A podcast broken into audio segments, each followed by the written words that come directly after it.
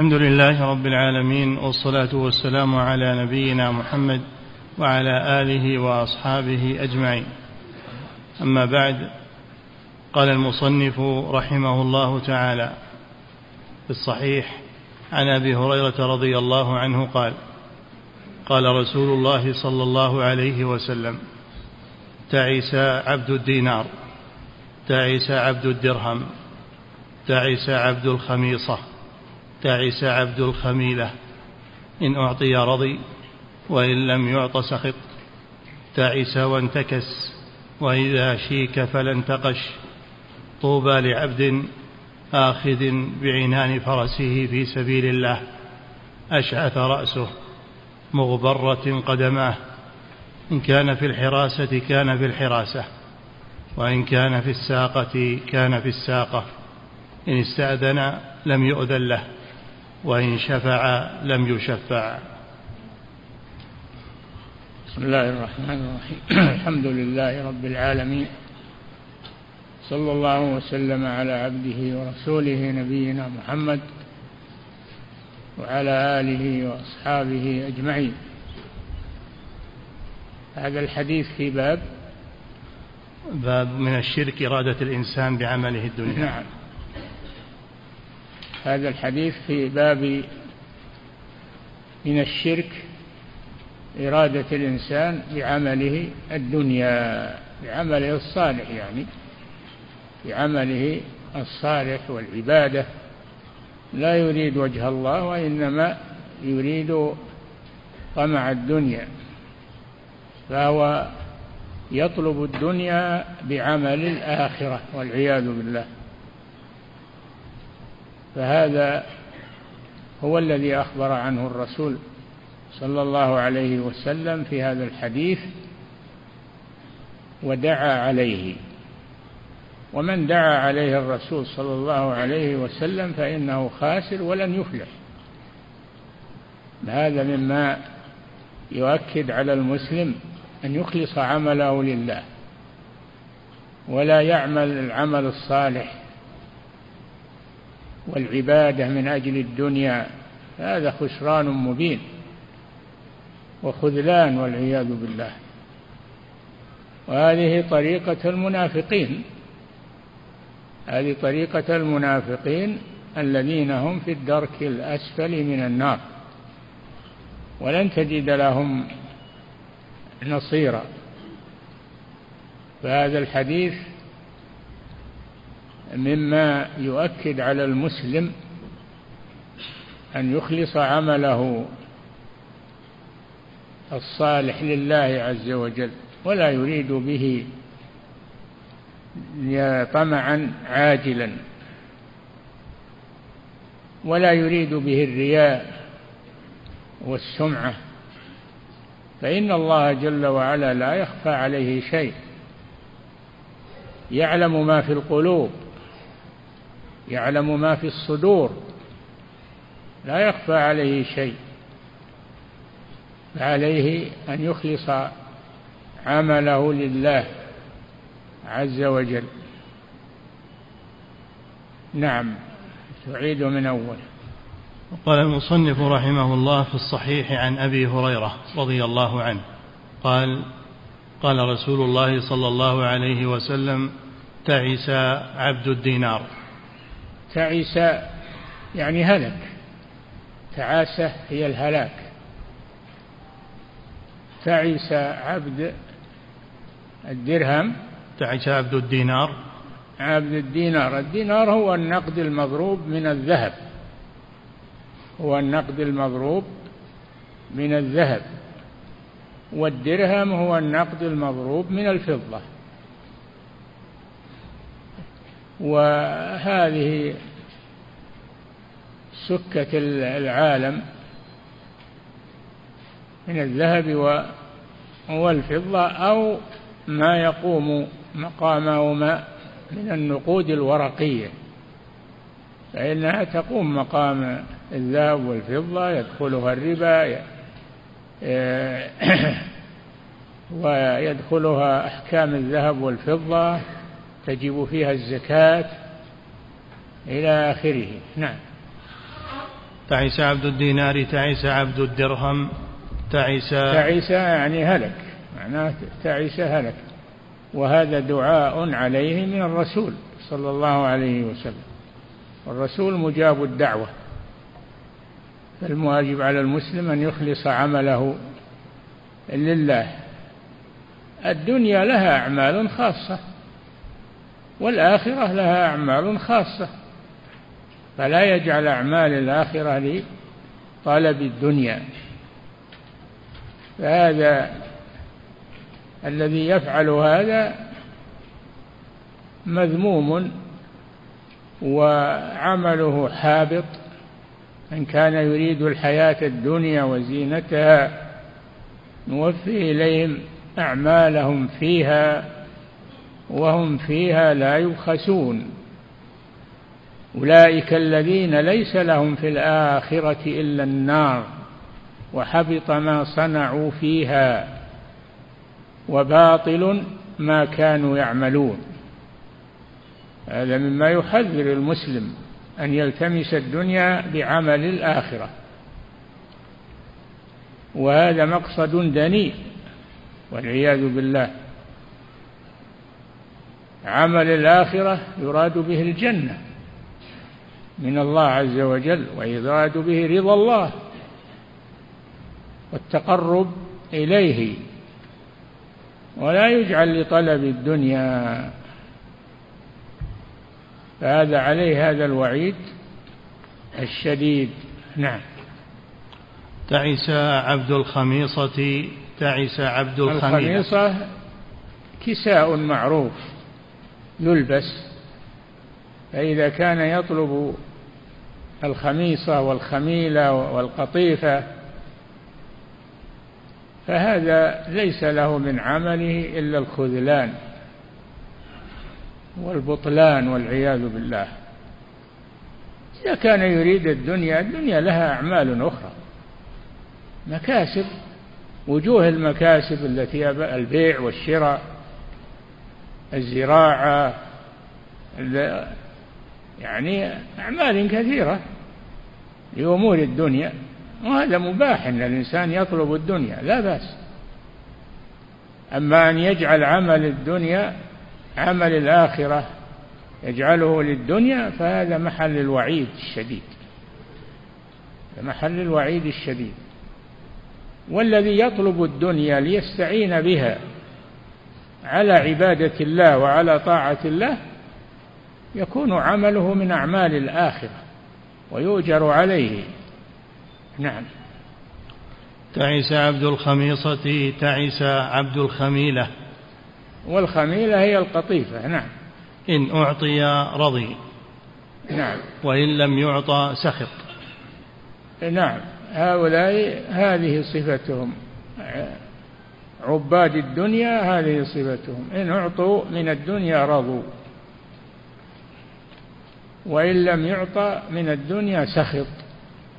فهو يعمل لأجل الدنيا. فهو عبد عبد للخميصة عبد للخميلة. يعني ليس عبدا لله عز وجل بمعنى أن يخلص عمله لله يعبد الله بعمله. بل هو حسب ما نوى. حسب ما ما نوى. قال تعالى في المنافقين ومنهم من يلمزك في الصدقات يعني الزكاة. فإن أعطوا منها رضوا وإن لم يعطوا منها إذا هم يسخطون. ولو أنهم رضوا ما آتاهم الله ورسوله من فضله. وقالوا حسبنا الله سيؤتينا الله ورسوله من فضله. إنا إلى الله راغبون. لو قالوا هذا لأفلحوا وفازوا عند الله عز وجل. والرزق المقسوم لا بد أن يصل إلى الإنسان. أبدا. كل نفس لها رزق قسمه الله عز وجل ولا أحد يمنعه. فعلى المسلم أن يحسن الظن بالله وأن يعتمد على الله وأن يجعل طلب الدنيا ليستعين بها على طاعة الله حتى يؤجر عليها. نعم. تعس وانتكس وإذا انتكس أمره يعني. انتكس أمره وحيره الله. لا يدري أين يذهب. نعم. وإذا شيك فلا انتقش دعا هذا دعاء من الرسول صلى الله عليه وسلم أن هذا يصيبه الله بالعجز يصيبه الله بالعجز. فلا يخلص نفسه حتى ولا من الشوكة. يعجز أن يأخذ الشوكة من رجله أو من بدنه لأن الله عاقبه وأصابه بالعجز. نعم. طوبى لعبد آخذ بعنان فرسه في سبيل الله. طوبى يعني الجنة أو شجرة في الجنة. لمن تكون؟ لعبد نعم. آخذ بعنان فرسه في سبيل الله. أشعث رأسه.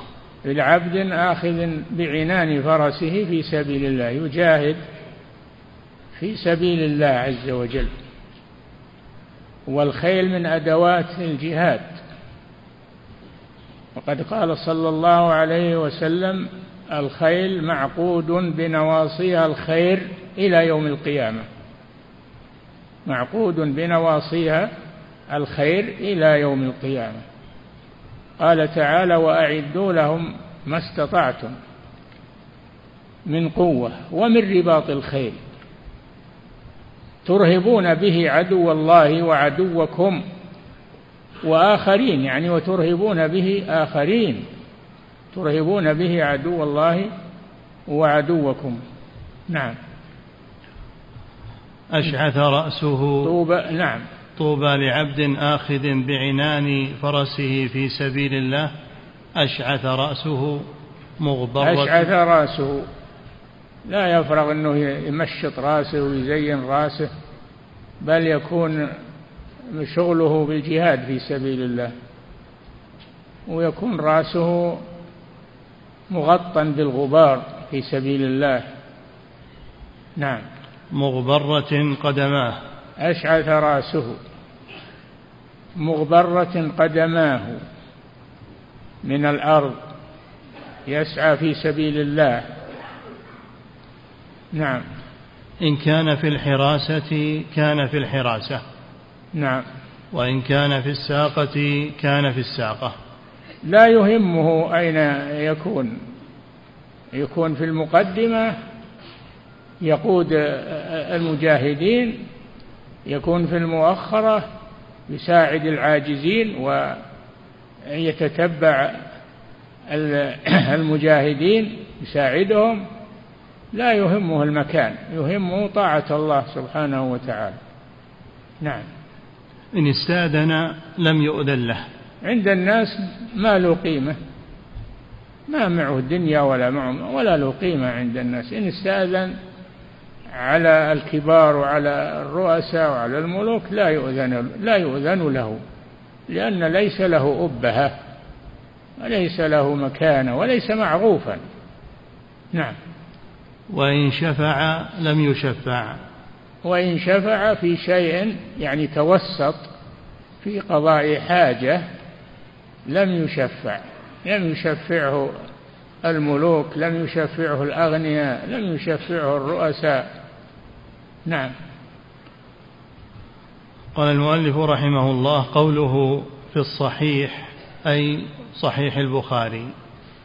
قوله إذا قال في الصحيح يعني الحديث الصحيح. يشمل ما اتفق عليه بين الشيخين البخاري ومسلم ويشمل من انفرد به أحدهما. يقال في الصحيح. نعم. قوله تعس وهو بكسر العين ويجوز الفتح. تعس. نعم. أي سقط. نعم. والمراد هنا هلك. قاله نعم. الحافظ. دعاء عليه. نعم. وقال قاله الحافظ وقال في موضع قاله الحافظ يعني ابن حجر في شرح صحيح البخاري. نعم. وقال في موضع آخر وهو ضد سعد أي شقي. تعس ضد سعد يعني شقي. نعم.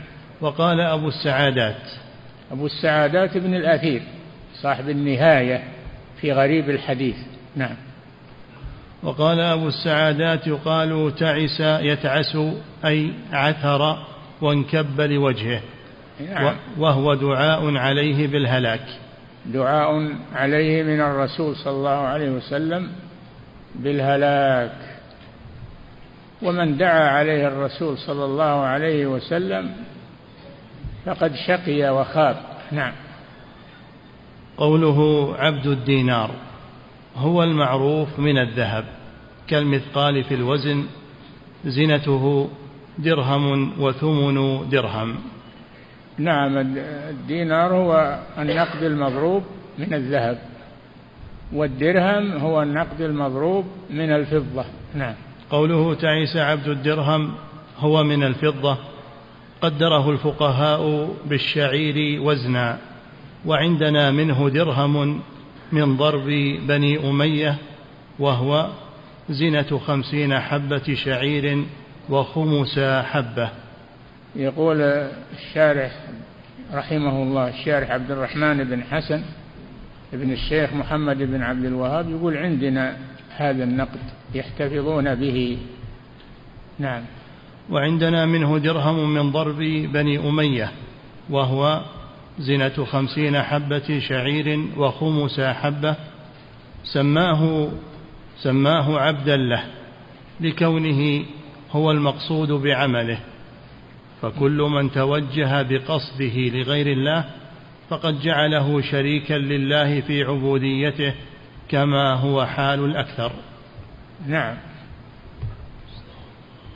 قوله تعس عبد الخميصة قال أبو السعادات هو ثوب خز أو صوف معلم وقيل لا تسمى خميصة إلا أن تكون سوداء معلمة وتجمع على خمائص والخميلة بفتح خميصة ثوب مخطط معلم يعني مخطط. وكانت عند الرسول صلى الله عليه وسلم خميصة. نعم. والخميلة بفتح الخاء المعجمة. قال أبو السعادات ذات الخمل ثياب لها خمل من أي شيء كان. نعم. قوله تعس وانتكس.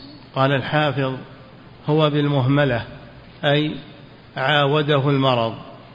نعم. وقال أبو السعادات أي انقلب على رأسه وهو دعاء عليه بالخيبة. نعم. قال الطيبي. الطيبي.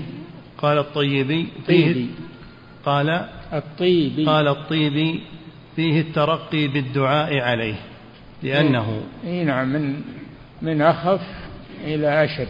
نعم. قال الطيبي فيه الترقي بالدعاء عليه لأنه إذا تعس انكب على وجهه فإذا انتكس انقلب على رأسه بعد أن سقط. نعم. قوله وإذا شيك أي أصابته شوكة فلا انتقش أي فلا يقدر على إخراجها بالمنقاش. قال يصاب بالعجز فلا يستطيع أن يخرج الشوكة من جسده. نعم. أي فلا يقدر على إخراجها بالمنقاش قاله أبو السعادات. والمراد؟ انتقش يعني استعمل المنقاش الذي يخرج به الشوك. نعم. والمراد أن من كانت هذه حاله فإنه يستحق أن يدعى عليه بما يسوءه في العواقب. نعم. ومن كانت هذه حاله؟ من كان همه الدنيا. من كان يريد الحياة الدنيا وزينتها نوفي إليهم أعمالهم فيها وهم فيها لا يبخسون. أولئك الذين ليس لهم في الآخرة إلا النار. حبط ما صنعوا فيها وباطل ما كانوا يعملون. نوفيه نوفي إليهم أعمالهم فيها هذا مقيد بقوله من كان يريد العاجلة عجلنا له فيها ما نشاء لمن نريد قيده بالإرادة. يعني أراد الله قد يريد ولا ولا يريد الله له ذلك ويحرم. حتى من الدنيا يحرم. نعم. والمراد أن من كانت هذه حاله فإنه يستحق أن يدعى عليه بما يسوءه في العواقب. نعم. ومن كانت هذه حاله فلا بد أن يجد أثر هذه الدعوات من الوقوع فيما يضره في عاجل دنياه وآجل آخرة وآجل أخرى. نعم هذا دعاء عام يصيب كل من اتصف بهذه الصفة إلى آخر الدنيا. ففيه التحذير من إرادة الإنسان بعمله عمله الصالح يريد به الدنيا. نعم. قال شيخ الإسلام فليحذر المسلم من هذا. إنه إنه يستعمل أمور الآخرة لأجل الدنيا. هذه خسارة عظيمة. يتعلم العلم النافع من أجل الوظيفة. يعمل من أجل أن يعطى من الدنيا. عمل بعمل الآخرة. أما أن يعمل بعمل الدنيا لا بأس. لكن يعمل يعمل بعمل الآخرة لا يريد الآخرة. وإنما يريد به طمع الدنيا. يطلب العلم لأجل الدنيا يحج لأجل الدنيا وهكذا. نعم. قال شيخ الإسلام فسماه النبي صلى الله عليه وسلم عبد الدينار والدرهم وعبد القطيفة وعبد الخميصة وذكر فيه ما هو دعاء بلفظ الخبر وهو قوله تعس وانتكس وإذا شيك فلا انتقش نعم. وهذه حال من إذا أصابه شر لم يخرج منه ولم يفلح لكونه تعس وانتكس فلا نال المطلوب ولا خلص من المكروه. أي نعم.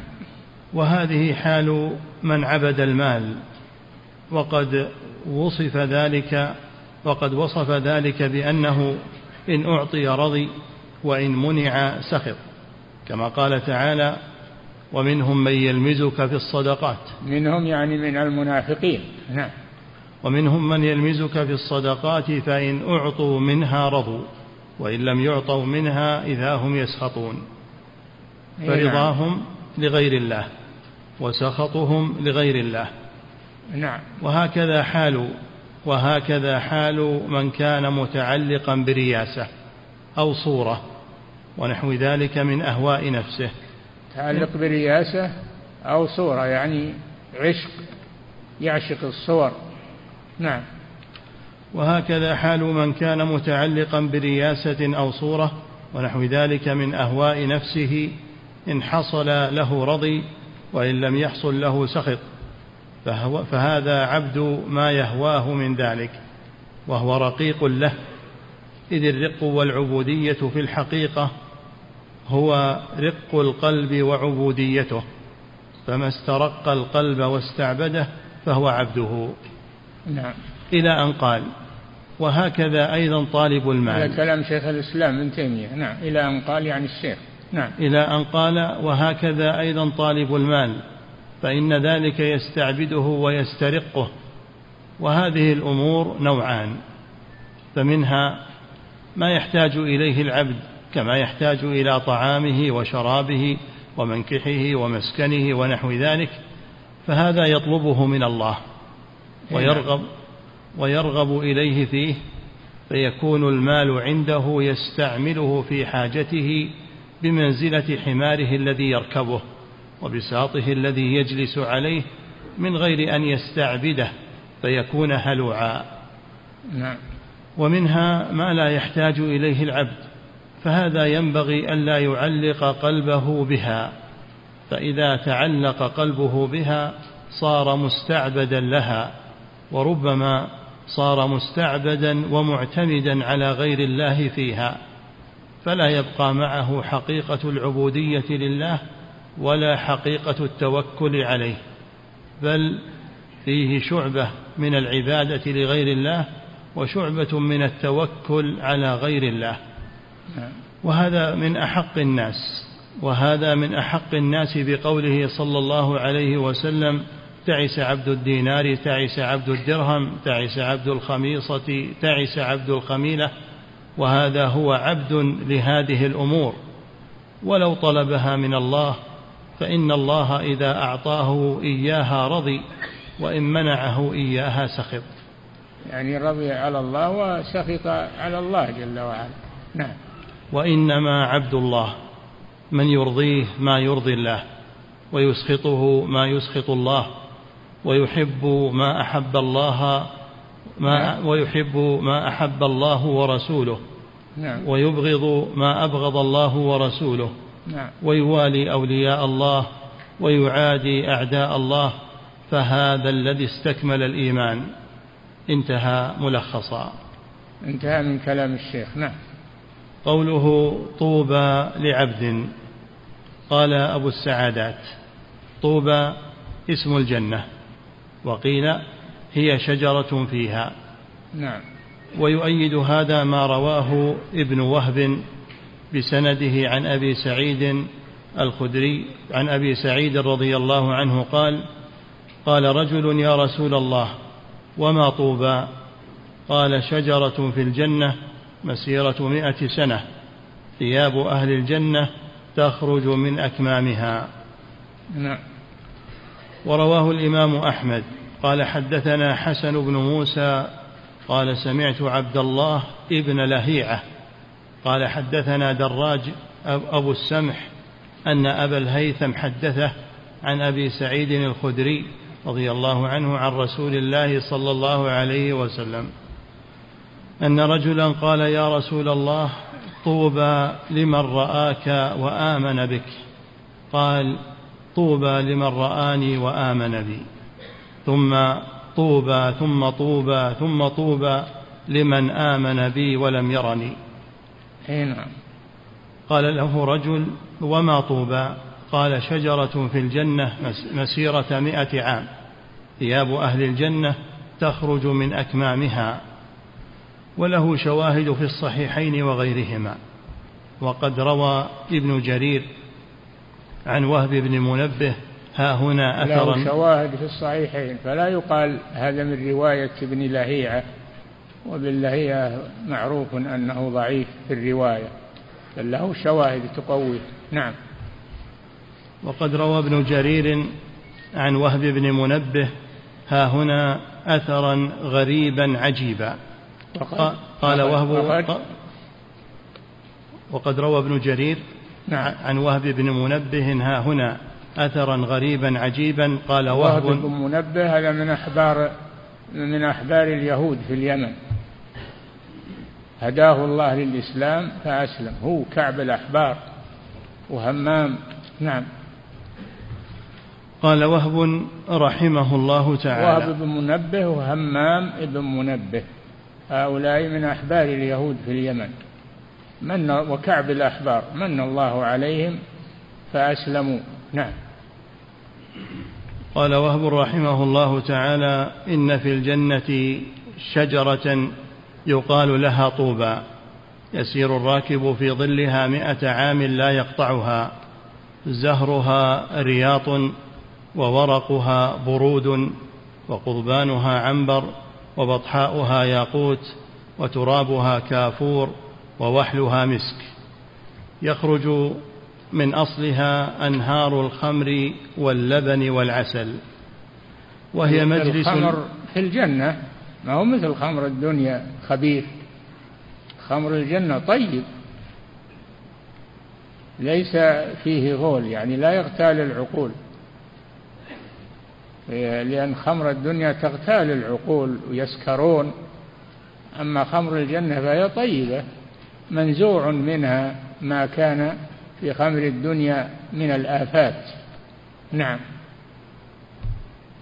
يخرج من أصلها أنهار الخمر واللبن والعسل وهي مجلس لأهل الجنة فبينما هم في مجلسهم إذ أتتهم الملائكة من ربهم. يقودون نجبا مزمومة بسلاسل من ذهب. وجوهها كالمصابيح من حسنها ووبرها كخز المرعزي من لينه. عليها رحال ألواحها من ياقوت ودفوفها من ذهب وثيابها من سندس واستبرق.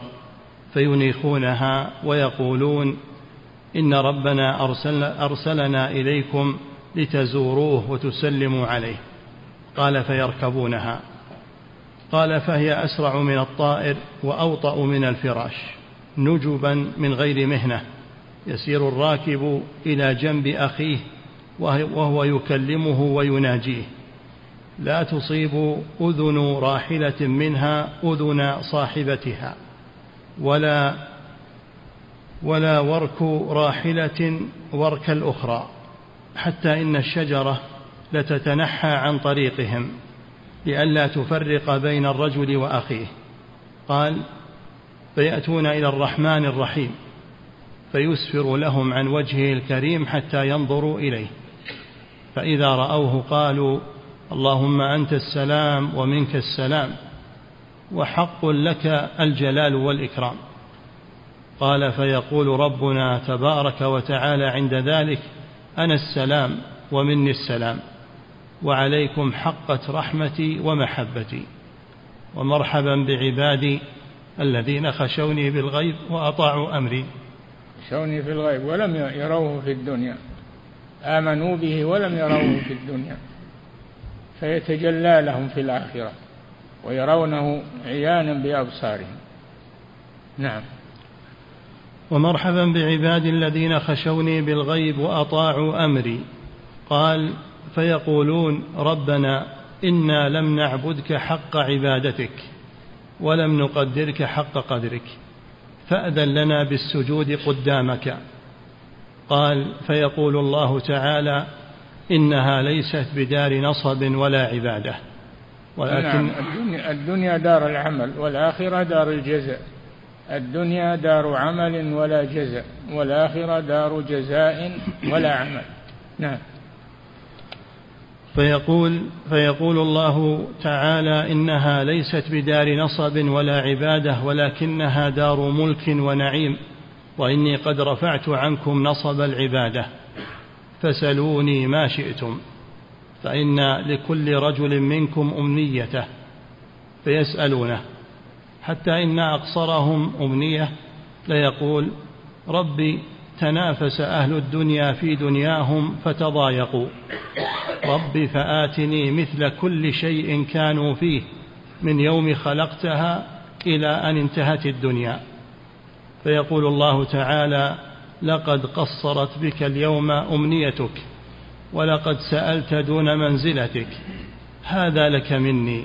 وسأتحفك بمنزلتي لأنه ليس في عطائي نكد ولا قصر يد. قال ثم يقول اعرضوا على عبادي ما لم تبلغ أمانيهم ولم يخطر لهم على بال. قال فيعرضون عليهم حتى تقصر بهم أمانيهم التي في أنفسهم فيكون فيما يعرضون عليهم براذين مقرنة على كل أربعة منها سرير من ياقوتة واحدة على كل سرير منها قبة من ذهب مفرغة في كل قبة منها فرش من فرش الجنة مظاهرة في كل قبة منها جاريتان من الحور العين على كل جارية منها ثوبان من ثياب الجنة وليس في الجنة لون إلا وهو فيهما. ولا ريح طيب إلا قد عبق بهما ينفذ ضوء وجه وجوههما غلظ, القب غلظ القبة حتى يظن من يراهما أنهما من دون القبة يرى مخهما من فوق سوقهما كالسلك الأبيض في ياقوتة حمراء. يريان يريان له من الفضل على صاحبته كفضل الشمس على الحجارة أو أفضل. ويرى لهما مثل ذلك ثم يدخل إليهما فيحييانه ويقبلانه ويعانقانه ويقولان له والله ما ظننا أن الله يخلق مثلك. ثم يأمر الله تعالى الملائكة فيسيرون بهم صفا في الجنة حتى ينتهي كل رجل منهم إلى منزلته التي أعدت له.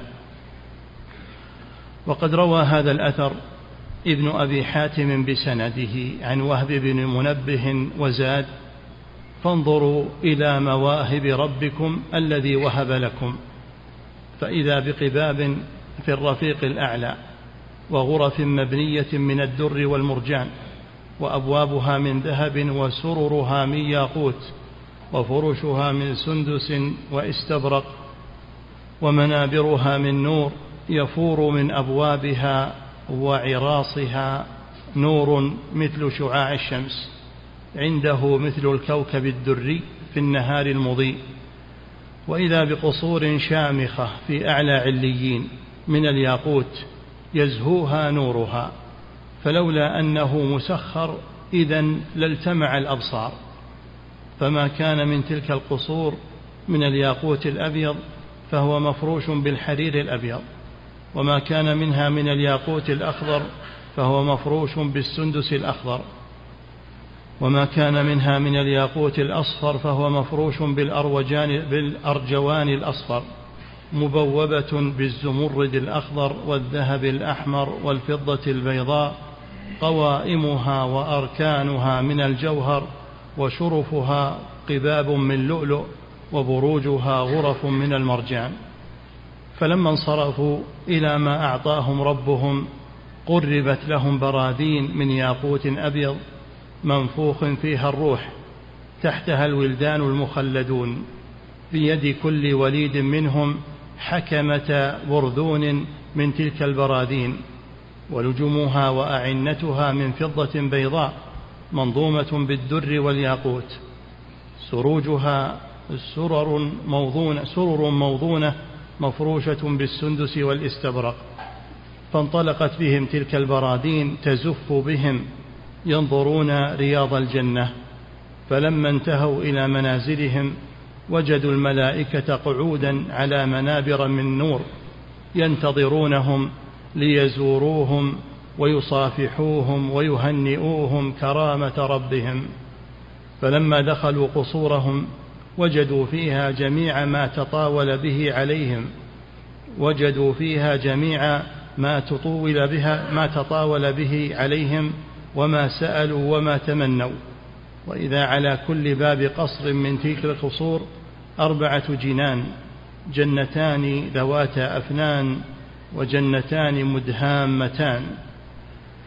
وفيهما عينان نضاختان مدهامتان يعني خضراوان. نعم. وفيهما عينان نضاختان وفيهما من كل فاكهة زوجان كما في سورة الرحمن. هذا في القرآن نعم. وحور مقصورات في الخيام.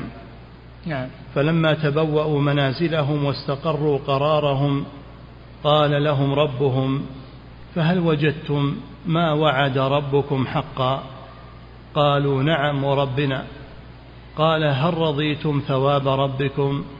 قالوا ربنا رضينا فارض عنا. قال فبرضاي عنكم أحللتكم داري ونظرتم إلى وجهي. فعند ذلك قالوا الحمد لله الذي أذهب عنا الحزن. إن ربنا لغفور شكور. الذي أحلنا دار المقامة من فضله. لا يمسنا فيها نصب ولا يمسنا فيها لغوب. وهذا وهذا سياق غريب وأثر عجيب ولبعضه شواهد في الصحيحين. نعم هذا طرف مما في كتاب حادي الأرواح إلى بلاد الأفراح للإمام ابن القيم رحمه الله. نعم. وقال خالد ابن معدان إن في الجنة شجرة يقال لها طوبى ضروع كلها.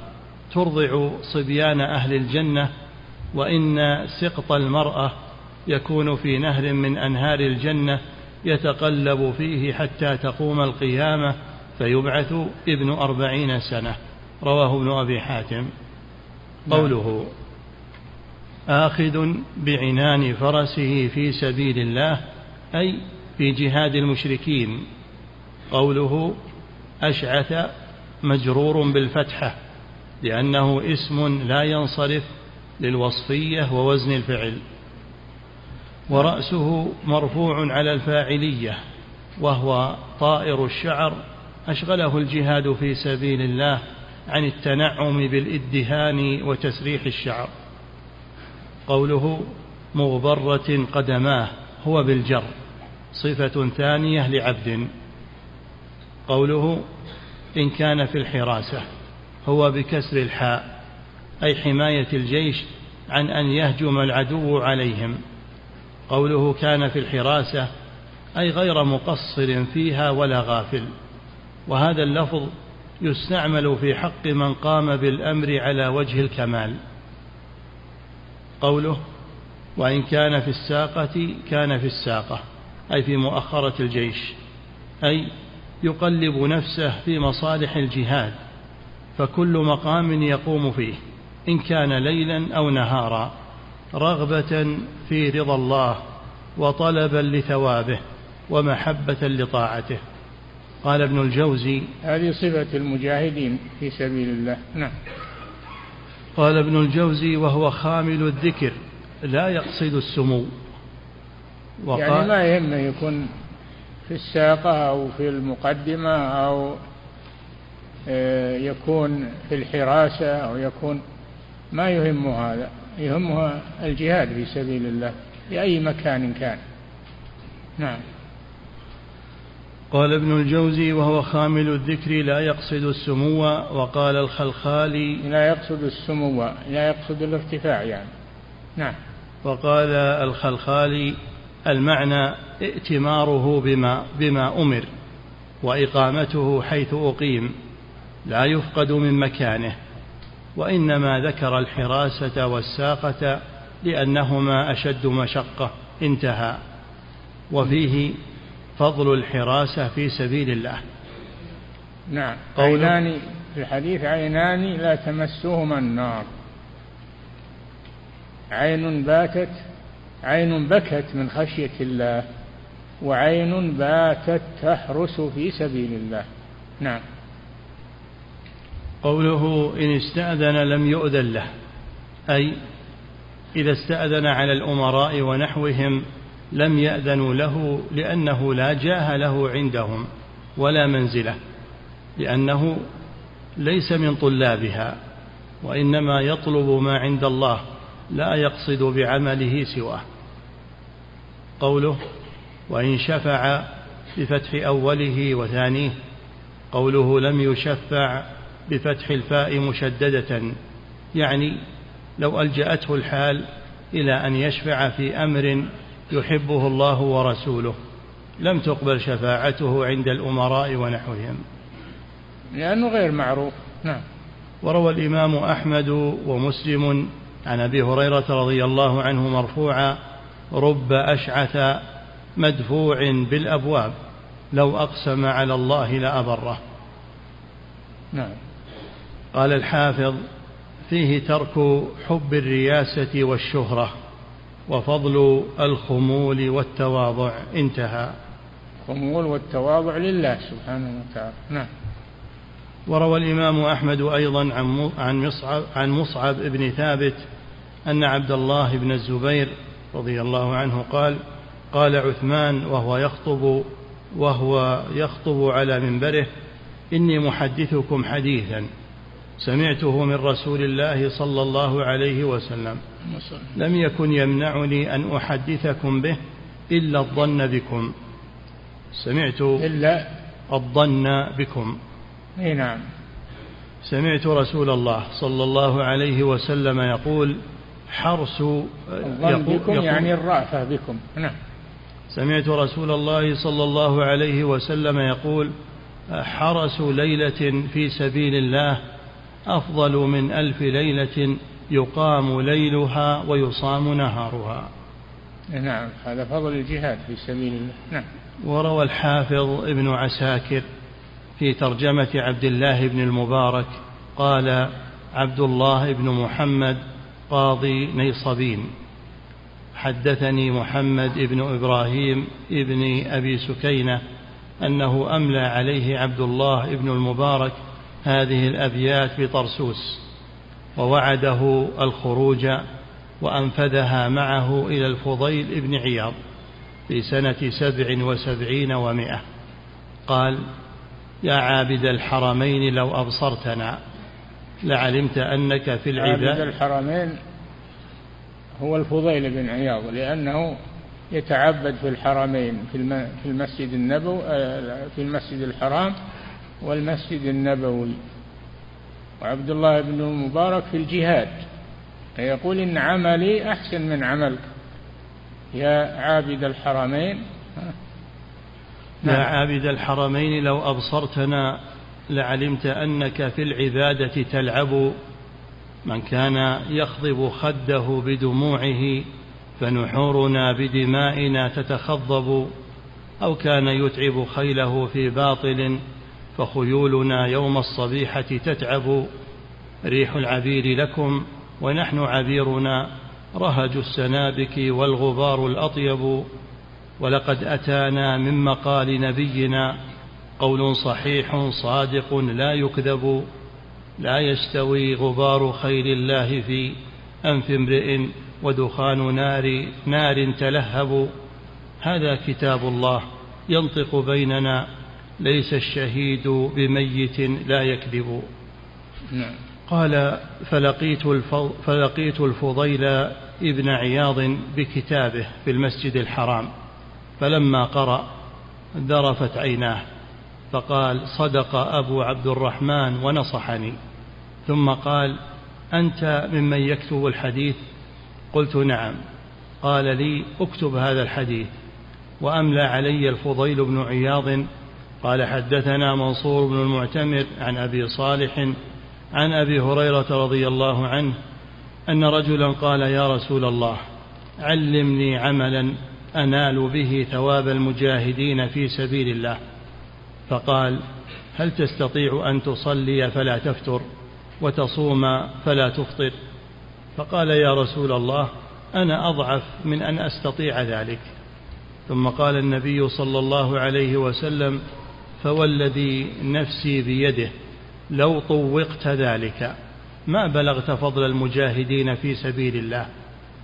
أما علمت أن فرس المجاهد ليستن في طوله فيكتب له بذلك حسنات. نعم. قال المصنف رحمه الله فيه مسائل. الأولى فيه يعني الباب. الباب نعم.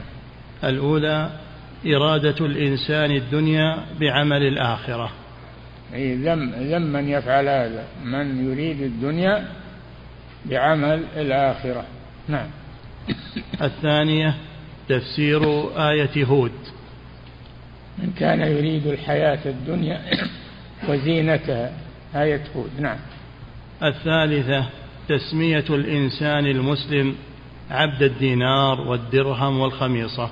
مع أنه مسلم فإنه يصاب في هذه الآفات أنه أنه يطلب الدينار والدرهم ويقصر في طاعة الله. نعم. الرابعة تفسير ذلك بأنه إن أعطي رضي وإن لم يعط سخط. يعني تفسير كون عبد الدينار وعبد الدرهم أنه إذا أعطي رضي وإن لم يعطى سخط إذا فهو عبد للدينار والدرهم يسخط إذا لم يعطى ويرضى إذا أعطي. ولا يسخط لأجل إنكار المنكر أو يرضى بالطاعة وإنما همه الدراهم. نعم. الخامسة قوله تعس وانتكس. نعم دعا عليه بدعوتين.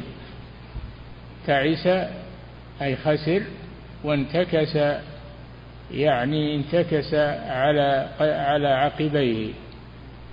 فلا فيتحير في أمره. نعم. السادسة قوله وإذا شيك فلن تقش يصاب بالعجز. يصاب بالعجز فلا يقدر أن يأخذ الشوكة من, بس من بدنه. نعم. السابعة الثناء على المجاهد الموصوف بتلك الصفات. إي نعم. طوبى لعبد آخذ بعنان فرسه في سبيل الله. إن كان بالساقة كان بالساقة وإن كان إلى آخره. فدعا له الرسول صلى الله عليه وسلم بأن يعطى طوبى وهي شجرة بالجنة. نعم. قال المصنف رحمه الله باب من أطاع العلماء والأمراء في تحريم ما أحل الله أو تحليل ما حرم الله فقد اتخذهم أربابا من دون الله. يكفي نقف عند هذا. نعم.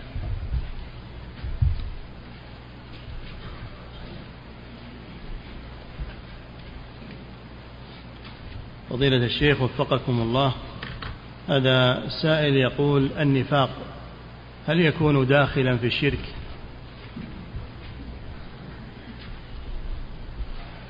لا النفاق النفاق والعياذ بالله أن يظهر الخير ويبطن الشر. هذا النفاق أن يظهر الخير ويبطن الشر. هذا النفاق. نعم. فضيلة الشيخ وفقكم الله هذا سائل يقول أتينا إلى هذه البلاد المباركة للعمل في تدريس القرآن الكريم. سؤاله هل يدخل هذا العمل في طلب الدنيا حيث إننا نتقاضى راتبا شهريا على هذا؟ لا بأس بذلك وهذا شيء طيب. قال صلى الله عليه وسلم إن أحق ما أخذتم عليه اجرا كتاب الله. فلا بأس بذلك. هذا عون على الطاعة. نعم. فضيلة الشيخ وفقكم الله هذا سائل يقول هناك من يدرس ويحفظ القرآن في الحلقات لأجل أن يحفظ كتاب الله ولأجل أن يأخذ الجوائز المترتبة على ذلك فهل هذا ممنوع شرعا؟ لا ما هو ممنوع شرعا.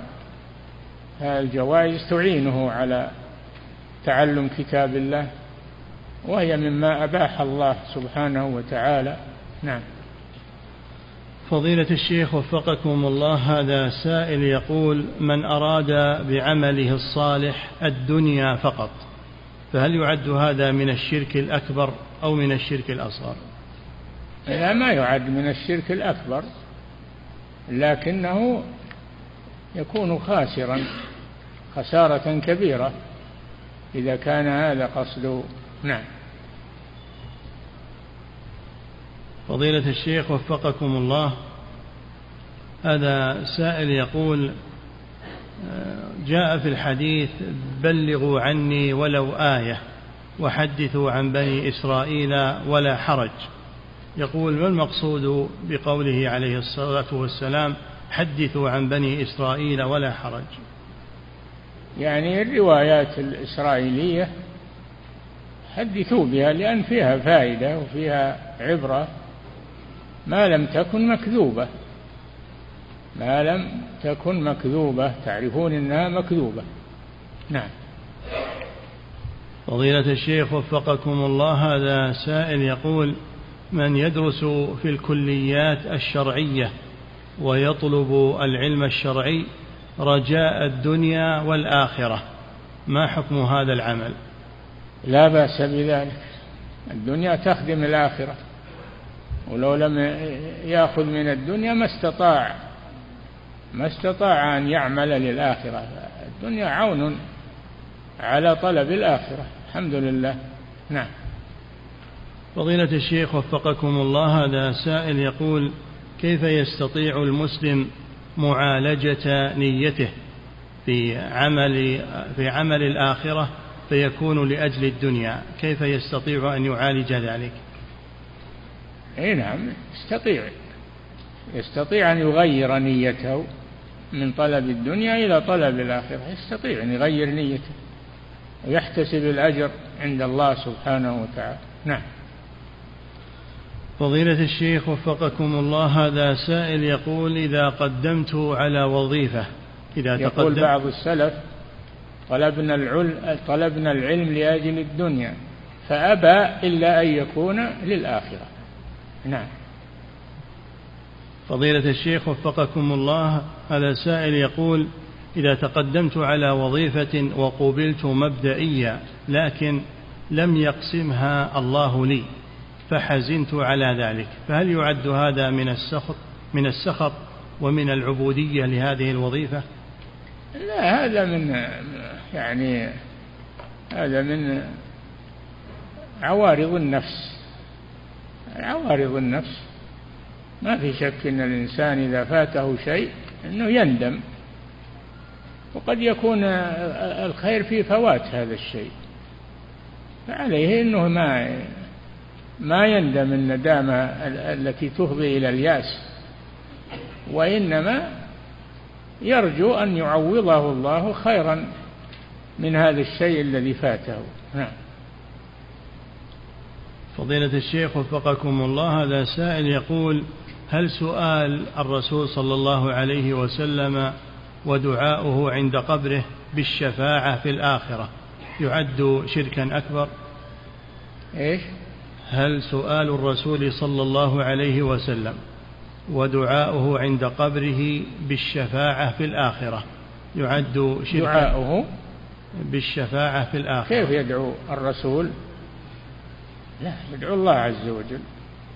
يقول اللهم شفع في رسولك وعبادك الصالحين. يطلب الشفاعة من الله ما يطلبها من الرسول. ولا من الصالحين وإنما يطلبها من الله عز وجل لأن الشفاعة ملك لله قل لله الشفاعة جميعا فتطلب من الله نعم فضيلة الشيخ وفقكم الله هذا سائل يقول هناك من يقول بأن الصحابة رضوان الله عليهم أخذوا العلم عن بعض أهل الكتاب ككعب الأحبار في أمور الغيب فهل هذا صحيح؟ وش يدري عن هذا؟ يقول على الصحابة ما لا يعلم. أخذوا العلم عن رسول الله صلى الله عليه وسلم ما أخذوا عن أهل الكتاب. نعم. فضيلة الشيخ وفقكم الله هذا سائل يقول انتشر عند بعض الشباب أنهم يضعون مطاطا من البلاستيك في أيديهم على هيئة الإسوارة ولا يريدون به سوى الزينة ولا يعتقدون فيه شيئا. فما حكم ذلك؟ لا يجوز هذا. السوار إنما هو للنساء. الرجل ما يحط سواره على يده. الأسورة للنساء. نعم. فضيلة الشيخ وفقكم الله هذا سائل يقول سؤال من خارج هذه البلاد. يقول عندنا في بلادنا أرض جعلت مقبرة فهل يجوز أن تغرس الأشجار على طول جدارها أو محيطها ليستظل بها الناس من شدة الحر؟ لا جدار المقبرة يجرد من وضع الزينة عليه أو الكتابات أو يكون حافظا للمقبرة فقط. ولا يزين أو توضع عليه النقوش أو ما أشبه ذلك. وقد صدر فتوى من اللجنة الدائمة لما سئلوا عن جدار مقبرة مقبرة في الرياض. قالوا نزين واجهتها واجهة الجدار. فصدرت الفتوى بمنع ذلك. لأن هذا يفضي إلى تعظيم القبور و... أي نعم. فضيلة الشيخ وفقكم الله هذا سائل يقول ما تفسير قول الله سبحانه وإذا جاءهم أمر من الأمن أو الخوف أذاعوا به ولو ردوه إلى الرسول وإلى أولي الأمر منهم لعلمه الذين يستنبطونه منهم. ثم يقول وكيف الرد إلى الرسول عليه الصلاة والسلام في العصر الحالي؟ الرد إلى الرسول صلى الله عليه وسلم في العصر الحالي وإلى يوم القيامة الرد إلى سنته. الرد إلى سنة الرسول من الأحاديث الصحيحة. وأما قوله جل وعلا وإذا جاءهم أمر من الأمن أو الخوف أذاعوا به. هناك أشياء عامة للأمة أو لأهل البلد عامة لهم من من ما ما هو ما يكرهونه من الخوف أو من أو من تسلط العدو. هذا ما يسند إلى العوام وإلى يسند إلى أهل العلم وإلى أهل الرأي من من الأمراء والعلماء اللي يحلون المشاكل. ولا يهرجون به الناس في المجالس وإنما يرفع إلى إلى العلماء إلى الرسول في حياته وإلى أهل العلم من بعده من بعد الرسول صلى الله عليه وسلم. وإلى أولي الأمر من الذين يعالجون أمور السياسة ويعرفونها. نعم. فضيلة الشيخ وفقكم الله هذا سائل يقول يقول إن زوجته ترفض لبس النقاب وتشتكي من صعوبة التنفس إذا لبسته. سؤاله هل أفارقها لأجل هذا أم أني أصبر عليها؟ هذا ما هو صحيح. النقاب لا لا يمنع النفس. ما يمنع النفس. هذا كذب. تلبس النقاب وتلزمها بذلك. توجبه عليها. نعم. فضيلة الشيخ وفقكم الله هذا سائل يقول ما النصيحة لطلاب العلم وطلاب المنح الذين إذا انتهوا من دراستهم في الإجازة وذهبوا إلى بلدانهم لا يدعون الناس إلى عبادة الله وإنما ينشغلون بأمور دنياهم؟ لا يجوز لهم هذا. يجب عليهم أن ينشروا العلم والعقيدة الصحيحة في بلادهم. فلولا نفر من كل فرقة منهم طائفة ليتفقهوا في الدين ولينذروا قومهم إذا رجعوا إليهم لعلهم يحذرون. هذه مهمتهم. نعم. فضيلة الشيخ وفقكم الله. هذا سائل يقول رجل مات وعليه صيام شهر رمضان لم يصمه بسبب مرض الموت. ما الواجب بسبب؟ مرض الموت يقول. ما عليه شيء إذا أصابه المرض ولم يستطع الصيام وما عليه الصيام إذا صار ما يستطيع ولا يقضى عنه. نعم. إذا مات فيه في هذا المرض ولم يتمكن من القضاء ومات في مرضه ما يقضى عنه. نعم. فضيلة الشيخ وفقكم الله هذا سائل يقول هل هناك فرق في الحكم بين المستحل للمعاصي وبين المصر على فعل المعاصي؟ إي نعم بينهما فرق. المستحل للمعاصي هذا عليه خطر من الكفر. وأما الثاني اللي ما إيه؟ مصر على فعل المعاصي. المصر هذا أخف من من الأول. أخف من الأول لكن يخاف عليه من العقوبة ويخاف عليه من طمس البصيرة وطمس القلب. نعم.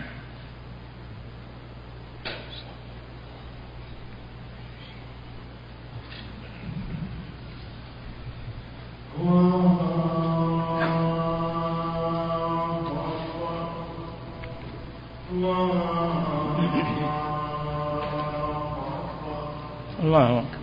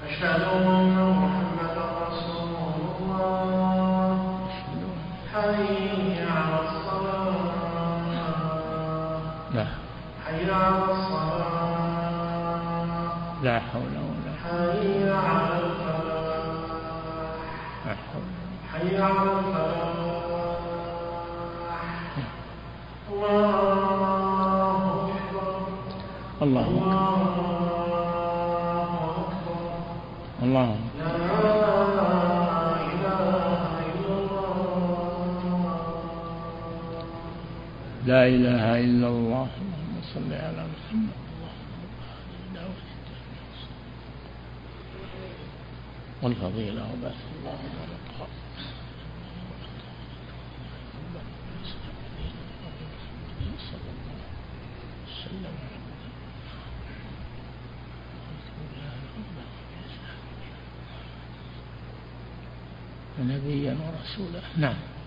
فضيلة الشيخ وفقكم الله هذا سائل يقول يستدل الوجودية بهاتين الآيتين وهي قوله سبحانه وهو معكم أينما كنتم وقوله وهو الذي في السماء إله وفي الأرض إله.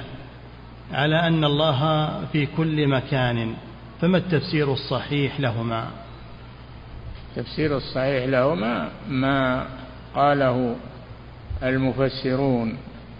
هو الذي في السماء إله وفي الأرض إله. يعني معبود.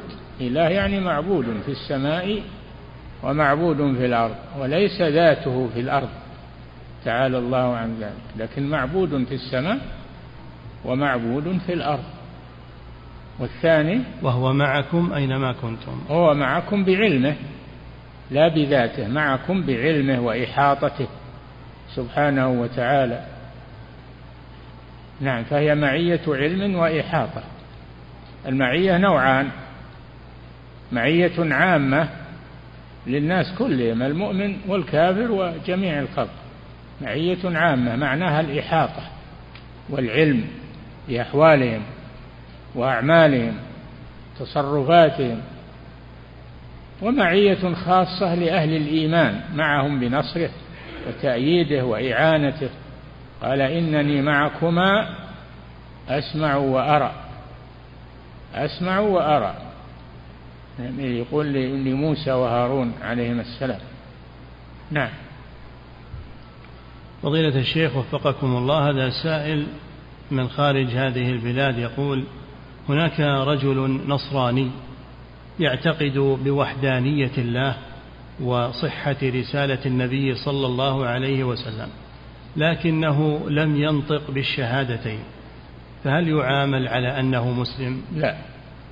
ما يعامل على أنه مسلم حتى ينطق بالشهادتين. شهادة لا إله إلا الله شهادة أن محمدا رسول الله. وإلا فالنصارى واليهود حتى الكفار يقول الله جل وعلا ولقد نعلم إنه ليحزنك الذي يقولون فإنهم لا يكذبونك ولكن الظالمين بآيات الله يجحدون. نعم. فضيلة الشيخ وفقكم الله هذا سائل آخر يقول من أراد الإسلام فهل يجب عليه أن ينطق الشهادتين باللغة العربية أم له أن ينطق الترجمة؟ إن قدر على العربية ينطق بالعربية وإما قدر ينطق بلغته نعم. فضيلة الشيخ وفقكم الله هذا سائل يقول ما حكم التوسل إلى الله سبحانه وتعالى بالعرش والكرسي؟ لم يرد هذا لم يرد هذا. توسل إلى الله بأسمائه وصفاته ولله الأسماء الحسنى فادعوه بها. وذروا الذين يلحدون في آياته سيجزون ما كانوا يعملون. توسل إليه بأسمائه وصفاته ولا تتوسل إليه بمخلوقاته. نعم. فضيلة الشيخ وفقكم الله هذا سائل يقول كيف التعامل مع أهل البدع أو مع المبتدع من حيث المعاملة في الدنيا والابتسام في وجهه والسلام عليه وغير ذلك. لا إذا كانت بدعته مفسقة أو مكفرة فلا فلا تنبسط معه ولا تجالسه. أما إذا كانت بدعته دون ذلك فمع المناصحة له والبيان له إن قبل فإنك تجلس معه وإن لم يقبل فإنك تهجره.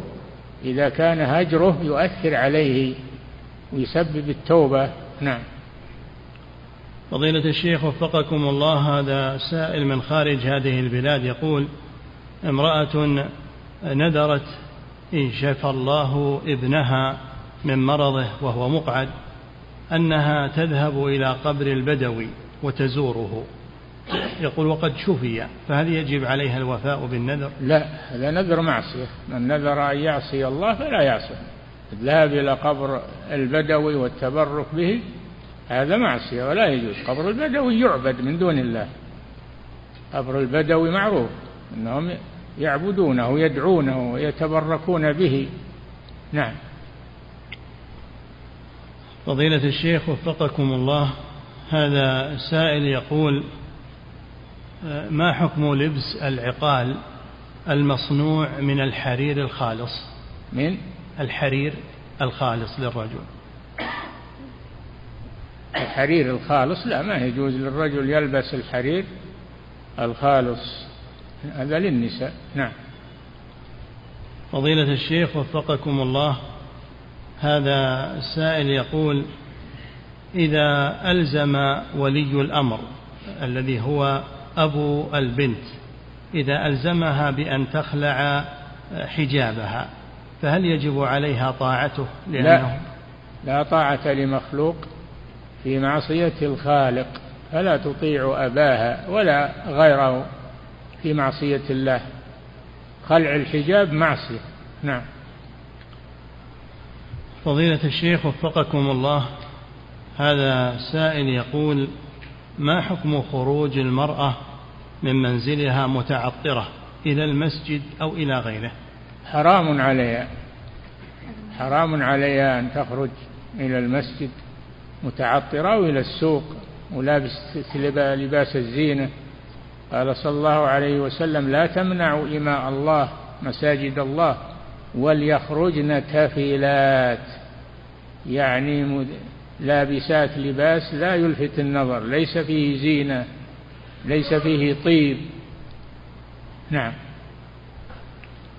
فضيلة الشيخ وفقكم الله هذا سائل يقول هل صحيح أن معنى الكراهة عند السلف أن معناها التحريم نعم نعم معناها التحريم. وهذا في القرآن يقول جل وعلا ولا تدعوا آه، الآيات في سورة في سورة الإسراء. مع الله إلها آخر فتقعد مذموما مخذولا. قال ربك ألا تعبدوا إلا إياه وبالوالدين إحسانا. إلى آخر الآيات ولا تفعلوا ولا تفعلوا ولا. ثم قال كل ذلك كان سيئه عند ربك مكروها. مكروها يعني محرما. الكراهية تطلق في القرآن وفي السنة على التحريم وأيضا ما كان عليه السلف أن المكروه عندهم هو المحرم. عند المتأخرين صاروا يقسمون المعصية إلى قسمين إن مكروه كراهة تحريم أو مكروه كراهة تنزيه. نعم. فضيلة الشيخ وفقكم الله وهذا سائل يقول أيضا هل يوجد فرق بين كلمة هذا حرام وبين لا يجوز؟ لا فرق بينهما فلا يجوز معناه أنه حرام.